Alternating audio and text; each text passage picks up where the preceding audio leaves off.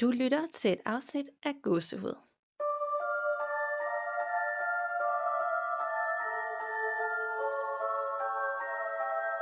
Hej Danika, Hej Nana, og hej til alle jer derude. og godt nytår. Ja, yeah, godt nytår.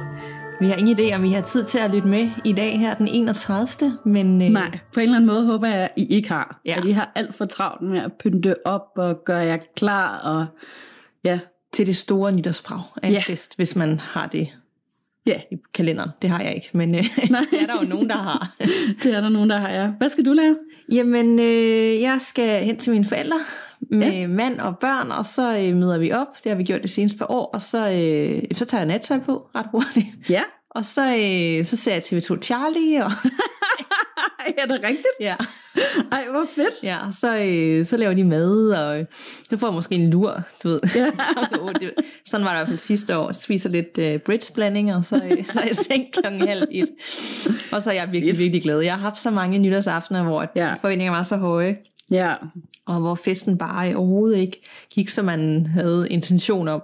præcis. Så nu er jeg bare begyndt at, at se det som en aften, hvor jeg bare kan ligge og stene tv og hygge med ungerne og ja. se nogle mærkelige ting, jeg ikke plejer at se. Nogle nytårskoncerter og sådan nogle t- lidt. Vi har ikke tv, så når vi Nej. Besøger dem, kan vi jo se alle de der Ja, kanaler. ikke? ja, ja, det man ikke plejer at se. Ja. ja, så måske ikke så inspirerende, men meget hyggeligt.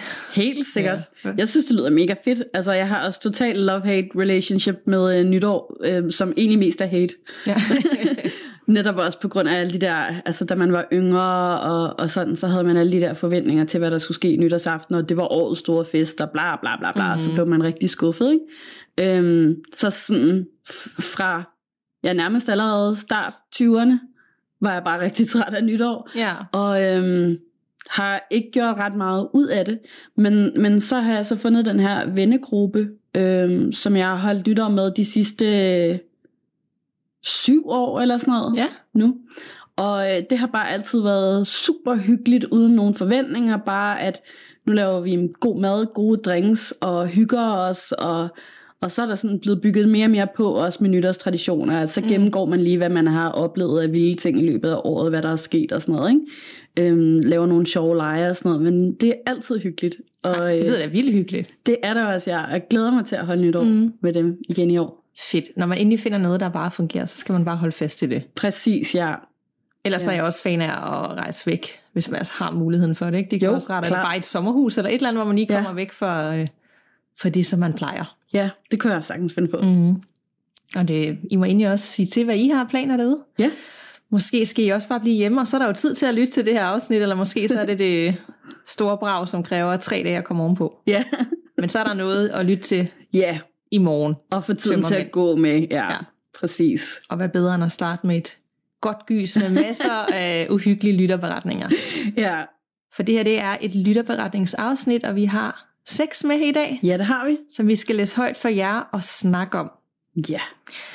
Og godset har jo også været i gang et års tid, så det er jo også sådan lidt øh, Ja. vildt, at nu er der gået et år, det første år, og den udvikling fra, at jeg startede med Michelle, Ja. til pludselig at lave det selv, som var mega hårdt, fordi det er svært Ja. at snakke med sig selv om noget overnaturligt. Jeg bliver meget mere bange, når jeg bare snakkede ind i en skab, ikke? Altså, Det kan jeg godt forstå, faktisk, ja. Og, og det var på ugebasis på det tidspunkt, ikke? Altså, Jo. jeg havde nærmest ikke tid til andet. Og så øh, en lille pause, hvor jeg tænkte, skal jeg overhovedet fortsætte? Og så skrev du, mm. Mm, og har været med siden, er det maj eller juni? Juni? Det var, ja, maj eller juni. Jeg mm-hmm. kan Mhm. ikke helt huske det. Men det er jo sådan, nu er det jo afsnit 35 i dag. Ja. Og jeg har været med fra afsnit 18, så har jeg sådan halvvejs jubilæum. Ej, hvor vildt. Næste gang, ja. Nej. Og vi har jo også nogle ambitioner og drømme for Ja. gåsehud i 2020, Ja. som vi har lidt talt om. Øhm, altså, vi gør det jo bare på hobbyplan. Ja, Og det er jo vildt hyggeligt, men vi vil jo gerne nå ud til mange flere. det vil vi gerne. øhm, at vokse, og måske også på sigt begynde at øh, få en lille indtægt, så vi kan investere i bedre udstyr, eller lege et studie, hvor vi optager hver gang, har vi talt om. Det kunne nemlig være sindssygt fedt, ja. Hvad tænker du, du godt gad at opnå gåsehud i 2020? Har du en eller anden? Jeg har så mange ting, jeg kunne mm. gade at opnå. Altså den helt store ting, der jo kunne være det fedeste, og som er nok det, som folk ønsker sig mest, var jo, at vi kunne komme op på at udgive en gang om ugen. Men som det ser ud lige nu, er det bare ikke realistisk desværre, fordi mm. at vi jo også har alt muligt andet, og du har to børn og, mm. og en mm. familie, du også ligesom skal passe ved siden af det her. Ja. Øhm, så hvis vi skal gøre det ordentligt og lave nogle ordentligt gode afsnit, så, øh, så kan det ikke lade sig gøre desværre lige nu. Men øh, jeg kunne godt tænke mig, at vi voksede på alle mulige andre måder. Øhm, helt konkret sådan nogle små mål med at få 1000 followers på Instagram, kom op på 2000 i vores øh, lukkede Facebook-gruppe, og ja, få meget mere gang i det her community, og Ghost tours måske? Ghost tours, ja. Altså, det gad jeg godt at arbejde mm. meget mere med her ja. i løbet af det næste år, ikke? Og så, øhm, så kunne jeg vildt godt tænke mig, at vi havde vores første sådan tur ud et eller andet sted mm. og optage fra og fortælle om noget fra et slot, eller, eller en eller anden hjemmesøgt efterskole, eller noget, hvor vi også kunne snakke med dem, der ligesom er derude og har, har oplevet det. Det kunne det, være fedt. Det kunne være så fedt. Ja. Også lidt angstprovokerende, for man er så bange for at vidderligt opleve noget, eller få noget med hjem. Ja, nemlig. Men hvor kunne det bare være fedt at dække det på den måde, og folk, der ja. lytter med. Altså jeg tror også, det vil... Fordi tit så er det jo bare et medie, hvor man taler, ja. man sidder over for hinanden, eller over et bord og taler om løst og fast. Øhm, men det der med, at man er ude, altså sådan et, det bliver sådan et journalistagtigt. Nu skal vi ud ja. og afdække et eller andet, vi har hørt om, ikke? Nemlig. Hvordan går vi til det? Det er rigtig interessant, ja. Jeg har ingen idé om med lyden, om det kan fungere, og hvordan man optager godt derude, det skal vi nok finde ud af. Men ja. i mit hoved ikke, fordi hvor meget vi bare har sat op og prøver at sidde helt stille for lyden nu, så hvis man render rundt ude øh, på et slot, hvor det runger, og Nemlig. man bliver bange, og der er andre mennesker, om, om det kan fungere inde i sådan et format. Ja, det kunne være ret spændende at prøve. Men vi er nødt til at prøve det, for ja, at finde ud af det. det er vi. Så vi håber, I bærer over med os med de planer og idéer, vi får, ja. og følger os, og, og synes, det er fedt, at vi prøver noget nyt også. Nemlig, og endelig hvis I har nogle idéer til et eller andet, I synes, der kunne være spændende, vi gjorde, øhm, så sig endelig frem, skriv til os enten på Instagram eller på Facebook, eller send os en mail på gåsehudpodcast.gmail.com, gåsehud med to A'er, så, øh, så kigger vi på det. Ja, eller hvis du selv synes, du skal være med ja. i et afsnit, du arbejder med det overnaturlige, eller har en eller anden tilgang til det, eller... Ja, et eller andet ja. god vinkel på det, så skriv til os. Præcis, altså vi har jo kun så mange idéer med mennesker, vi kan have med, men der kan sagtens være alle mulige vinkler, ja. vi ikke har tænkt på før. Nemlig. Så store planer for 2020. Øhm, ja. Ja, og næste år, der ser tingene nok helt anderledes ud, og ja. det håber vi. Det håber vi, ja. Altså, vi fortsætter, som vi plejer, ikke? Men at jo. vi har rykket os. Ja. Det er jo kun sjovt at lave det her, fordi folk lytter med. Nemlig. Og der kommer flere til uge for uge, og vi får flere mails og flere beretninger og ja. flere idéer. Det er derfor, vi gider at løbe. Ja. Ja. Så skal vi hoppe direkte til det, folk også er kommet efter lytterforretninger? Det synes jeg da. Ja, og vi har jo som sagt seks med i dag, og øh, skal jeg ikke lægge ud? Jo, det ja. siger jeg. Hej Nana og Danika. Tak for en rigtig god podcast. Jeg har fyldt med for første afsnit, og det bliver kun bedre og bedre. Mm. Tak for den tid og det arbejde, I lægger i det. Ej, selv tak. Tak, tak for det. Tak, ja. fordi folk også bemærker, at vi bruger tid på det. Ja. Min historie går helt tilbage til, da jeg var teenager, så den er cirka 10 år gammel. Jeg kom i tanke om den, da jeg hørte lytterberetninger om knallerten, der gik ud i nærheden af et gods. Den kan jeg godt huske. Hende med mm. gods, ikke? Ja. ja. Jeg kommer fra Middelfart på Fyn, som er byen, inden man krydser over til Jylland. Jeg har været til fest i Fredericia på den anden side af Lillebælt, og så så mange andre gange før, at min mor sød og hente mig i løbet af natten.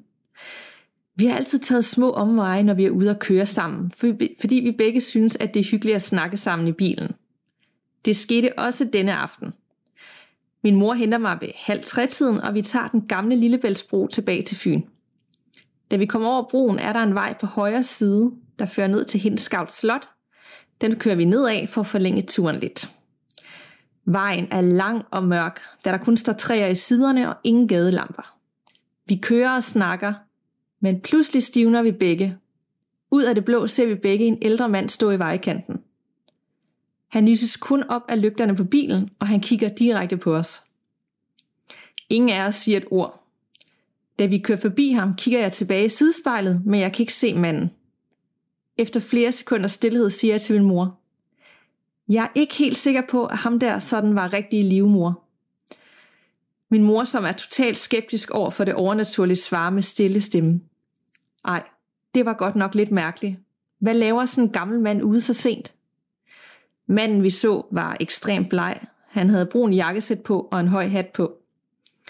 Da vi når enden af vejen, beslutter vi os for at køre hovedvejen tilbage, for derfor kan vi se ind på vejen til slottet. Hele vejen tilbage ser vi ingen billygter eller andet, der kunne tyde på, at manden ventede på eller var blevet hentet. Og da vi tager slotsvejen tilbage, ja, det gjorde vi jo faktisk, så er han væk igen. Mm. Den dag i dag husker vi stadig tilbage på episoden og snakker om den en gang imellem. Den har gjort min mor mindre skeptisk og mig mere overbevist. Jeg har selv en del overnaturlige oplevelser fra især min barndom i ærmet, som jeg tænker at skrive ind løbende. Her var en af de gode at starte på. Mange hilsner fra Natalie. Ej, ja, Natalie. Skriv endelig nogle flere, dem vil jeg gerne høre. Der er sådan et klassisk øh, gyserfortælling over det der med at køre på en øde vej, og så står der en i øh, vejkanten og bare Helt stiger. vildt. Ja. Skal man stoppe og spørge, om de skal hjælpe, øh, eller ja. kører man bare forbi og vinker, eller bare ignorerer det? ja ej, jeg har simpelthen set for mange gyserfilm til, at jeg nogensinde ville turde stoppe, tror jeg. Og så ville jeg have det vildt dårligt bagefter. Ja, ja, sådan, og så er man nærmest nødt til at køre tilbage. Ej, skal vi lige kigge for ham, den gamle mand? Altså, er han forvildet sig ud for et eller andet plejehjem eller ja, noget? nemlig. Ikke? Altså, Ja. Øh, Ej, ej, og så halv tre om natten, helt Ja. mørkt, og det kun er billygterne, der lyser ham op. øh, ja. Og så står han bare i sit gamle tøj og helt bleg og kigger på den. Ej, det er virkelig creepy. Ja. Ej, puha. Det var... jeg kan godt forstå, at det er sådan en historie, I bliver ved med at tale om, og at din mor blev mindre skeptisk, og du blev mere Ja. overbevist. Ja, Det vil i hvert fald også være meget overbevisende for mig. ja. Hvis jeg også for ud for mig. Ja, uha. God start. Det må man sige. Og øhm, jeg har også en rigtig god en her. Det vil sige, det er faktisk fra en, som hedder Christina, som har skrevet til os, og hun har en hel masse forskellige fortællinger. Fedt. Ja. Og hun skriver, kære gåsehud, jeg har her til aften fundet jeres podcast, og jeg vil sige, at jeg har endnu mere nøjeren på, end hvad jeg har haft, når jeg har hørt Mørkeland. Måske skyldes det, at jeg selv har haft en del oplevelser med den anden side. Jeg har et par forskellige historier, så jeg håber, I har mod på at læse dem igennem og måske tage dem med i jeres skønne podcast. Selvfølgelig. Yes. Den første hedder I vinduet. Da jeg var omkring 5-6 år gammel, var jeg på afslutningstur med min børnehave, da nogle af os skulle starte i skole efter sommerferien. Vi blevet indlogeret i noget, som jeg tror er en spejderhytte ude i en skov et sted, hvor jeg ikke aner, hvor jeg er. Vi får at vide, at der inde i skoven bor en heks, og vi får vist, at hendes lille hylde ligger ikke ret langt fra vores, men dog et godt stykke inde i skoven. Og vi ser, at der kommer røg op fra hendes skorsten. Jeg tænker ikke mere over det, og vi fortsætter de aktiviteter, der er blevet planlagt for os. Senere samme aften bliver vi lagt i seng, og min børnehavekæreste og jeg kommer på samme værelse. Han ligger i den nederste køje, og jeg i den øverste. Vi falder i søvn. Senere den nat vågner jeg og kigger over på vinduet, hvor gardinet ikke er blevet trukket ordentligt for. Og her ser jeg, i sprækken mellem gardinerne, to store øjne stiger på mig. Jeg trækker min dyne op over hovedet, og da jeg kigger tilbage mod vinduet, er de væk. Jeg aner ikke, hvad det har været. Jeg har prøvet at forklare mig selv, at det var noget, jeg bildte mig ind, for jeg kan simpelthen ikke give en logisk forklaring på, hvad det ellers kunne være. Den næste, den hedder Ollemor Jenny. Jeg mistede min oldemor Jenny for cirka 15 år siden, da jeg var omkring 10 år gammel. Min mor fortæller, at hun havde været på besøg hos oldemor, og da hun skulle gå, kunne hun ikke få sig selv til at gå uden at sige, lov mig nu, at vi ses igen på mandag. Min oldemor skulle på weekendtur til Aarhus for at besøge sin søster. Min mor havde en dårlig fornemmelse i maven, og hun havde en idé om, at hun ikke ville komme til at se min oldemor igen.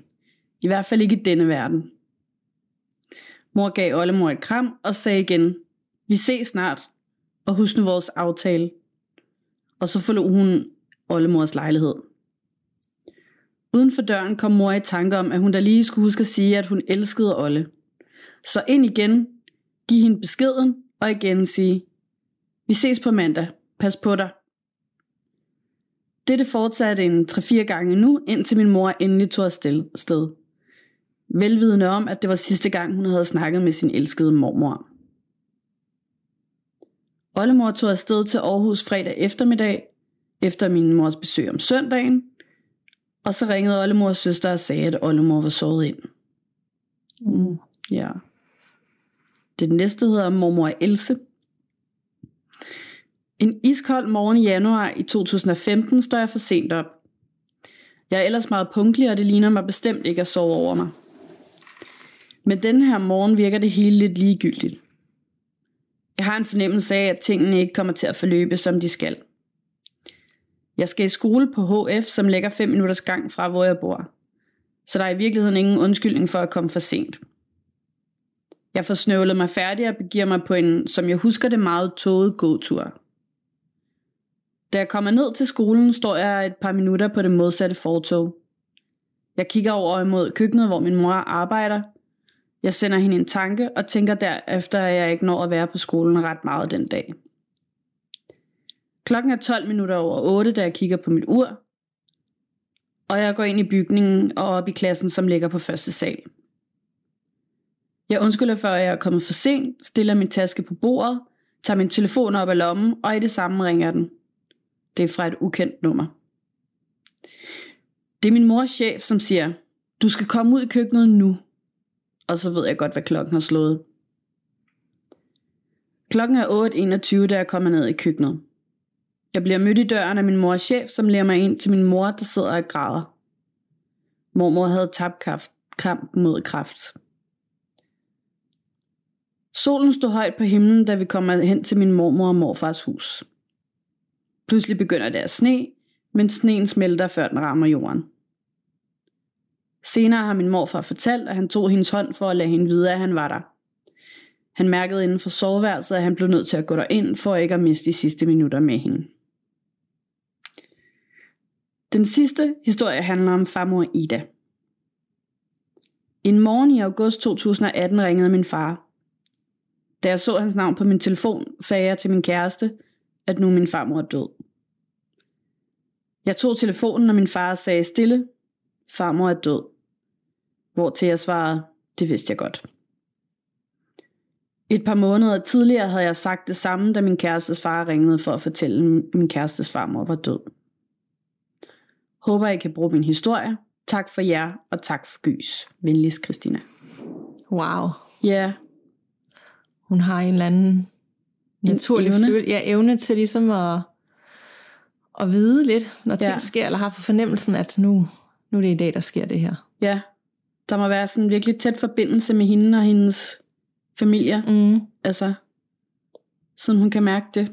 Det er vildt. Det hører man tit om folk, at de har den der, at de ved bare, Ja. lige så snart de ser opkaldet på telefonen, det betyder, at han eller hun ikke er her længere. Ja. Eller det her er sket. Eller jeg har virkelig på fornemmelsen, at min bror eller søster øh, er kommet ud for et uheld i dag. Det har man bare hørt mange gange, ikke? At de har Jo. den der forbindelse, der gør, at de bare kan mærke andres død eller smerte eller et eller andet. Præcis.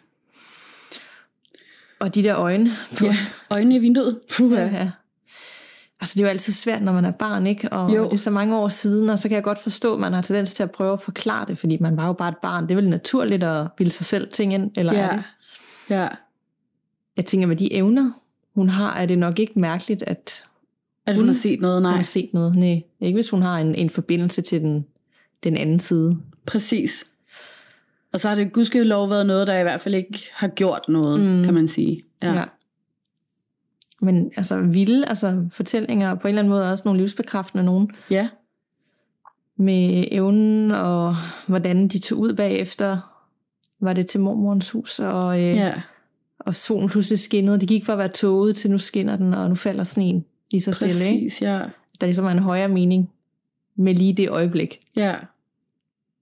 Så tak for den. Ja, tak for den. Den var virkelig fin. Det var- Jeg har også en lytterberetning, og det er for en anonym. Det må man selvfølgelig altid være. Ja. Hej Danika og Nana. Tusind tak for en vild fed podcast. Jeg hører den hver dag til og fra skole, hvor jeg har en times kørsel. Jeg vil gerne fortælle min egen erfaring med det overnaturlige, men jeg vil dog gerne være anonym. Min oplevelse starter på min efterskole, hvor jeg boede sammen med min roomie Mathilde. Vi boede i den gamle bygning af skolen, hvor vi havde en gang med 10 værelser med to elever i hver. Det første halve år oplevede vi dog ingenting, men efter et halvt års tid så begyndte det. Min roomie og jeg lå altid og snakkede om aftenen, inden vi skulle sove. Så det var ikke mærkeligt, at vi var vågen til sent. En aften, hvor vi ligger og snakker og er tæt på at falde i søvn, der hører vi trin fra gangen.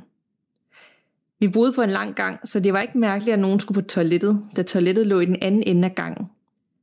Men de trin, vi hørte, lød ikke som en elev, der skulle på toilettet. De var virkelig tunge, og det lød som om, de gik frem og tilbage på gangen. Min roomie og jeg stivner begge to, da vi hørte, og jeg kigger ned på min roomie, da jeg sov i øverste køje af køjesengen. Skridtene bliver ved, og vi bliver enige om at tjekke, om der er nogen ude på gangen, der går i søvne eller noget. Så vi går begge forsigtigt hen mod døren og åbner den lige så stille. Da vi kigger ud på gangen, stopper skridtene pludseligt, og der er ingen. En af de andre elever åbner også døren og spørger, om vi også hørte det. Vi kigger på hinanden og bliver enige om at gå i seng igen, men ingen af os kan sove. Efter noget tid og lidt mere snak, så falder vi i søvn igen. Der går nogle uger, uden vi oplever mere, men en aften, hvor vi er på vej i seng, snakker vi som vi plejer, og så falder vi i søvn. Omkring klokken 3 om natten vågner jeg, ved at jeg hører skabsdørene åbne. Jeg kigger ned på Mathilde, som til min store overraskelse også ligger vågen og stiger på skabene. Det skal lige siges, at man er nødt til at lukke skabsdørene for at kunne komme ind og ud af vores værelse, så det vil være nærmest umuligt for os selv at have åbnet den. Ingen af os tør at røre os eller sige noget. Min roomie Mathilde lukker derefter hurtigt den ene skabsdør, som hun kan nå fra sin seng, og i det samme den lukker, så lukker den modsatte dør også, uden at os, nogen af os rører ved den. Derefter ligger min roomie så op i min seng, og vi sover sammen den nat. Mm. Det forstår man godt. Ja, det. Uh, Et par dage efter vågner vi begge igen, og så omkring klokken 3. Denne gang ved jeg dog ikke, hvad der vækkede os, men alle vores skabsdøre står på hvid gab. Også de øverste små skabe, som vi i øvrigt næsten ikke kunne nå. Igen sov min roomie i seng med mig. Dette var det mest uhyggelige, og der var en kold luft i hele vores værelse den nat. Vi oplevede ikke mere efterfølgende, men snakker stadigvæk om det her seks år efter, vi har gået på efterskole. Jeg håber, I kan bruge min fortælling, og igen mange tak for en fantastisk podcast. Mange godsedsknus fra den anonyme fra efterskolen. Ej, tak for den historie, og tak for ros. Tak. Og kan vide, hvad det var for en efterskole. Ja, vi, Det gad jeg vildt godt at vide, ja. vi har jo haft et efterskoleafsnit. Præcis, og jeg sad, kunne ikke lade være med at tænke på, kan vide, om det er en af dem. Ja. Brejning eller Brejninggård. ja. der er altså et eller andet med efterskoler, altså, som Ja. bare er så pisse uhyggeligt. ja, det er der. Jeg ved ikke hvorfor, fordi skoler er ikke på samme måde. Måske fordi det er bare de der gamle bygninger, hvor der 100% har været et eller andet. Men er det ikke også, jeg, Forfærdeligt. fordi jeg tænker også kostskoler og sådan noget, det hele taget skoler, hvor man bor, Ja. kollegier og sådan noget, det er Ja. døduhyggeligt. Det er vildt uhyggeligt. det er også det der med de der lange gange. Altså man får ja. sådan et, øh, sådan et hospitalsvibes på en eller anden måde. Ikke? Det Jo. der Lange gange og uendelige værelser, og det fortsætter og fortsætter og fortsætter. Ikke? Jo, og, Og det er umuligt at vide, sådan, altså man finder aldrig ud af, hvad, hvad der skyldes de der lyde, fordi var det nogle andre, eller var det et eller andet, Nej. der ikke kan forklares, ikke? Altså, Præcis. Ja. Så jeg, jeg forstår godt, at de var skræmt for videre sans. Jeg forstår Ja. godt, de sov i samme seng, og Ja. jeg synes, det var modigt. De gik ud og tjekkede de lyde, der bare fortsat. Og sådan rigtig... helt sikkert. Jeg forestiller mig, man, har, man kan jo godt genkende de skridt, der normalt er for folk, der skal på toilet. Ja, Man er ikke i tvivl om, når det pludselig er helt anderledes, end det plejer. præcis. Nej, ja. Uh, Rigtig blah. tunge, slæbende trin, hvor man sådan, fødderne bliver trukket lidt efter sig. Ikke Øh, sådan et ja. zombie walk. Ja, Scary. meget. Tak for den. Tak for den, ja. Jeg har en mere fra en anden Christina, Mm. som skriver, Hej, tænkte, at det her måske var noget, jeg kunne bruge til noget. Jeg voksede op helt ude på landet i et dejligt hus fra 1800-tallet, der engang var en lille bondegård. Jeg har oplevet meget der. Min familie er meget alternativ, og min bedstemor arbejder med det alternative. Og nu til mine oplevelser. Det hele startede med, at min mor begyndte at se skikkelser af folk gå rundt omkring i huset om aftenen. Min bedste fik det fjernet, men da min mor så flyttede, så gik det ud over mig i stedet for. Det startede med, at jeg skulle passe min lillebror, da han var fem år, og han pludselig kom løbende hen til mig og råbte, Søster, der står en mand på trappen. Jeg ringede til min bedste, og hun kom og fjernede manden. En nat vågnede jeg ved, at der lugtede brændt. Jeg kiggede over alt i huset, men der var ikke noget at se. Jeg ringede igen til min bedste, og det viste sig, at en gammel præst ville brænde mit tøj, fordi det ikke var anstændigt nok. det skal han bare blande sig skal, det skal udenom. han totalt blandt sig udenom. ja. ja. En anden nat, da jeg havde kærestesover og var rigtig ked af det, hørte jeg pludselig en dame, der sagde, det skal nok gå, min lille skat. Jeg ringer igen til min bedste, og denne gang viste sig, at det var en dame, der var omkommet i en bilulykke, og som troede, at jeg var hendes datter. Hun blev fjernet, men hver gang jeg er trist, så kommer hun igen og trøster mig, selvom jeg ikke bor i huset mere. Jeg har også været vågnet ved, at en dame i en hvid kjole sad ovenpå mig og ville kvæle mig. Hun blev også fjernet, ja. Der er den igen. Ja, Maren. Damn you, Maren. Til en pigeaften en gang, der oplevede mine veninder og jeg stole, der flyttede sig, og mine veninder turde ikke sove der alligevel, fordi billeder er faldt ned fra væggene, og ting blev væk, for at dukke op igen mystiske steder senere. Ja, det lyder virkelig også Står hyggeligt. godt, de tog hjem. Ja, det har jeg nok også gjort. Min far, som ikke tror på noget overnaturligt, var engang ved at rydde op på min brors værelse, og ser pludselig en lille dreng, der leger med min brors tog. Min far kom så hen til mig og fortalte, hvad der var sket, og spurgte, om jeg ikke kunne ringe til bedste. min bedstemor gav til sidst op på det hus. Hun prøvede at lukke huset ned sammen med flere andre, der arbejder med det alternative, men der var ikke noget at gøre. Så snart du fjerner et spøgelse, så kommer der bare et nyt. Håber I kan bruge historierne. KH Christina. Ej, altså det var da helt vildt, det der. Det var helt vildt, hvad der skete der. Jeg tænker sådan, du, kan du huske det der afsnit, øh, der handlede om skovene? Mm. Du fortalte, at der var inde i den der Black Forest, der var der den her vortex. Det må det Ja. bare blive ved. Ja, Ja. ja. jeg tænker, det er sådan en vortex, det Ja. ja. der hus. Sådan en portal til den anden side, hvor de bare bliver ved med at komme hjem. Ja, det er jo for sindssygt. Og hvor vil jeg gerne, altså et eller andet sted er det fedt at have en bedste, man ringer til hver gang der er noget. Ja. Der er et eller andet om, det er bare Ja. præsten. Nu fjerner jeg ham. Ja. ja. Ja. Og så så giver hun op, sådan, jeg kan ikke mere. Ja. Altså. ja, det er også hyggeligt det Ja. der med at bare give op sådan. Ja, ja. Åh oh, nej. Og ej, altså, jeg har ikke rigtig ord for alle de ting, hun har oplevet. Nej, det, Det- det er for vildt. Ja. Og pige, øh, hygge, gone wrong. Altså, Ja, virkelig. Ej, jeg kunne slet ikke, altså, hvis jeg var inviteret derover, det er da også lidt synd, man skal gå, ikke? Og sådan bare efterlade hende Jo, med det. Men ja. hvad skal man gøre? Bye. Ej, det, det var vildt. Og faren, der pludselig sjovt nok blev overvist, da han så en øh, lille spøgelsesdreng lege med legetøjet. Det er alligevel også rimelig sigende, ikke? Ja. Kan du ikke lige ringe til bedste? Jeg Ja. vide, om at det hus stadigvæk eksisterer, og, og hvem bor der nu, og hvad oplever de? Altså, hvad er det for et hus, vi skal derhen? ja, der står ikke, om hun stadig bor der, mm. eller med... Nej. Det, altså, jeg går ud fra, at hun ikke bor der mere. Mm. Mm. Men ja, det kunne være ret spændende at høre. Ja, hvor er det hen? Ja. Jeg har også en øh, sidste lille beretning her. Og det er også for en anonym. Hej gåsehud. Jeg stødte her for ikke så lang tid siden på jeres podcast, og har ikke kunnet stoppe med at lytte siden. Nej. Og alt den lytten har fået mig til at tænke mere over hændelser, jeg har oplevet, men ikke rigtig tænkt over.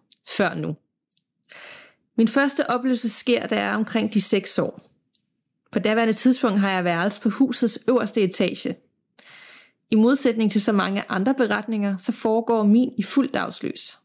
Jeg husker det så tydeligt, og som det var i går. Hver morgen, når jeg vågnede, vil alt være helt normalt, men hver gang mit lys vil blive tændt, vil en lille mand med hat dukke op på en stige foran mig. Han ville stige med et fast blik på mig, indtil lyset igen blev slukket. Derefter forsvandt han. Dette stod på i en længere periode, og hver morgen, når jeg vågnede, ville jeg være bange for lyset, da manden ikke gav mig en behagelig følelse. Tværtimod. Da dette endelig stoppede, skete der ikke noget i lang tid. Altså før en ny hændelse skete. Hmm.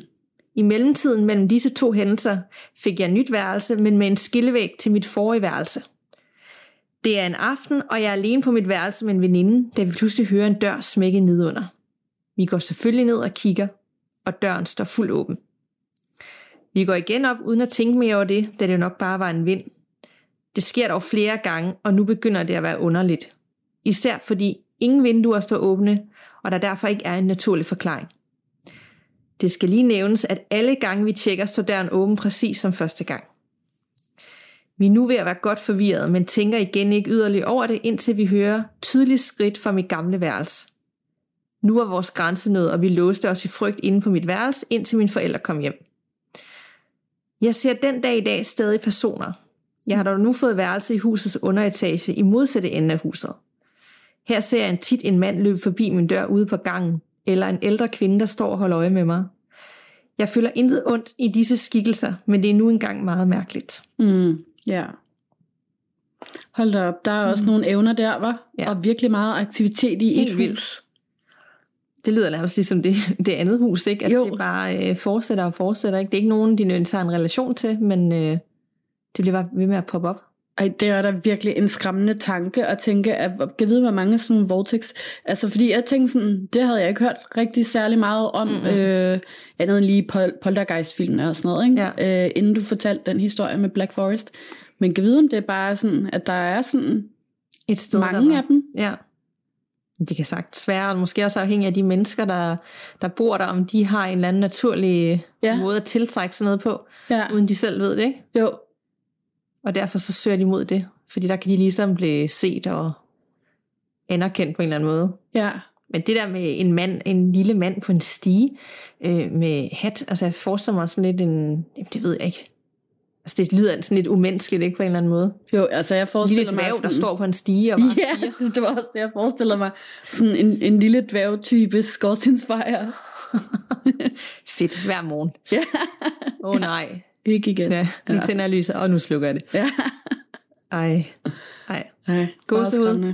Ja, virkelig. Ja, men vi er nået til den sidste. Mm.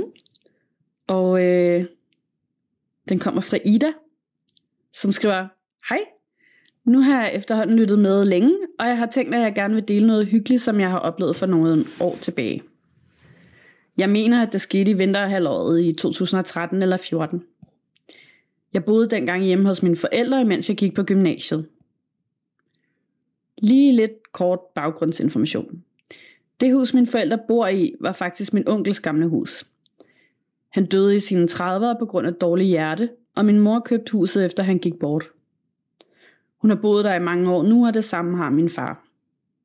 Men nu til min creepy oplevelse.